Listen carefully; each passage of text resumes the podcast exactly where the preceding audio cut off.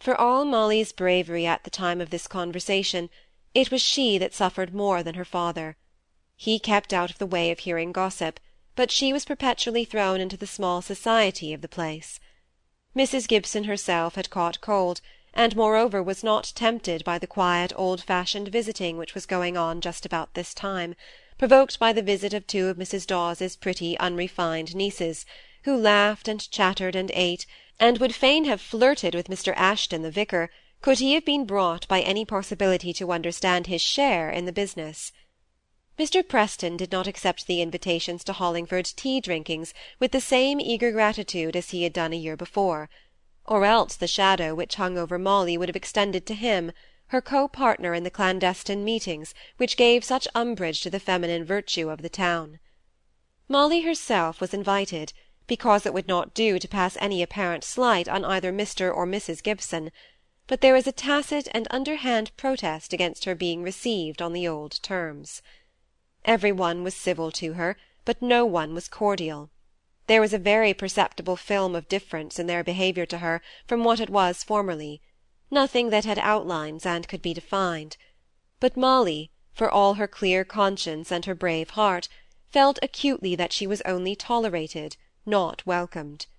She caught the buzzing whispers of the two Miss Oakes, who, when they first met the heroine of the prevailing scandal, looked at her askance and criticised her pretensions to good looks with hardly an attempt at undertones. Molly tried to be thankful that her father was not in the mood for visiting. She was even glad that her stepmother was too much of an invalid to come out when she felt thus slighted, and as it were degraded from her place. Miss Browning herself, that true old friend, spoke to her with chilling dignity and much reserve, for she had never heard a word from Mr. Gibson since the evening when she had put herself to so much pain to tell him of the disagreeable rumours affecting his daughter. Only Miss Phoebe would seek out Molly with even more than her former tenderness, and this tried Molly's calmness more than all the slights put together. The soft hand pressing hers under the table, the continual appeals to her, so as to bring her back into the conversation, touched Molly almost to shedding tears. Sometimes the poor girl wondered to herself whether this change in the behaviour of her acquaintances was not a mere fancy of hers; whether, if she had never had that conversation with her father, in which she had borne herself so bravely at the time, she should have discovered the difference in their treatment of her. She never told her father how she felt these perpetual small slights; she had chosen to bear the burden of her own free will; nay more, she had insisted on being allowed to do so and it was not for her to grieve him now by showing that she shrank from the consequences of her own act. So she never even made an excuse for not going into the small gaieties, or mingling with the society of Hollingford. Only she suddenly let go the stretch of restraint she was living in, when one evening her father told her that he was really anxious about Mrs. Gibson's cough, and should like Molly to give up a party at Mrs. Goodenough's, to which they were all three invited, but to which Molly alone was going. Molly's heart leaped up at the thought of stopping at home, even though the next moment she had to blame herself for rejoicing at a reprieve that was purchased by another's suffering. However, the remedies prescribed by her husband did Mrs. Gibson good, and she was particularly grateful and caressing to Molly. "Really, dear," said she, stroking Molly's head, "I think your hair is getting softer, and losing that disagreeable crisp curly feeling. Then Molly knew that her stepmother was in high good humour; the smoothness or curliness of her hair was a sure test of the favour in which Mrs. Gibson held her at the moment. "I am so sorry to be the cause of detaining you from this little party, but dear papa is so over anxious about me. I have always been a kind of pet with gentlemen, and poor Mr. Kirkpatrick never knew how to make enough of me. But I think Mr. Gibson is even more foolishly fond. His last words were, Take care of yourself, Hyacinth; and then he came back again to say, If you don't attend to my directions, I won't answer for the consequences. I shook my forefinger at him, and said, Don't be so anxious, you silly man. I hope we have done everything he told us to do, said Molly. Oh, yes, I feel so much better. Do you know, late as it is, I think you might go to Mrs. Goodenough's yet. Maria could take you, and I should like to see you dressed.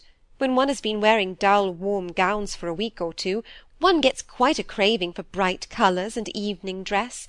So go and get ready, dear, and then perhaps you'll bring me back some news, for really, shut up as I have been with only papa and you for the last fortnight, I've got quite moped and dismal, and I can't bear to keep young people from the gaieties suitable to their age. Oh, pray, mamma, I had so much rather not go. Very well, very well. Only I think it is rather selfish of you, when you see I am so willing to make the sacrifice for your sake. But you say it is a sacrifice to you, and I don't want to go.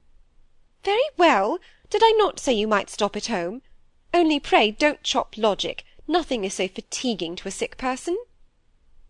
Then they were silent for some time. Mrs. Gibson broke the silence by saying in a languid voice, "Can't you think of anything amusing to say, Molly?"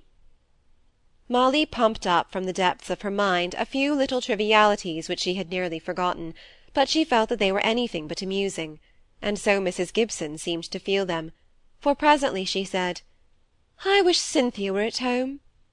And Molly felt it as a reproach to her own dulness. Shall I write to her and ask her to come back? Well, I'm not sure. I wish I knew a great many things. You've not heard anything of poor dear Osborne Hamley lately, have you? Remembering her father's charge not to speak of Osborne's health, Molly made no reply, nor was any need, for Mrs. Gibson went on thinking aloud. You see, if Mr. Henderson has been as attentive as he was in the spring, and the chances about Roger, I shall be really grieved if anything happens to that young man, uncouth as he is, but it must be owned that Africa is not merely an unhealthy, it is a savage, and even in parts a cannibal country. I often think of all I have read of it in geography books, as I lie awake at night, and if Mr. Henderson is really becoming attached. The future is hidden from us by infinite wisdom, Molly, or else I should like to know it. One would calculate one's behaviour at the present time so much better, if one only knew what events were to come.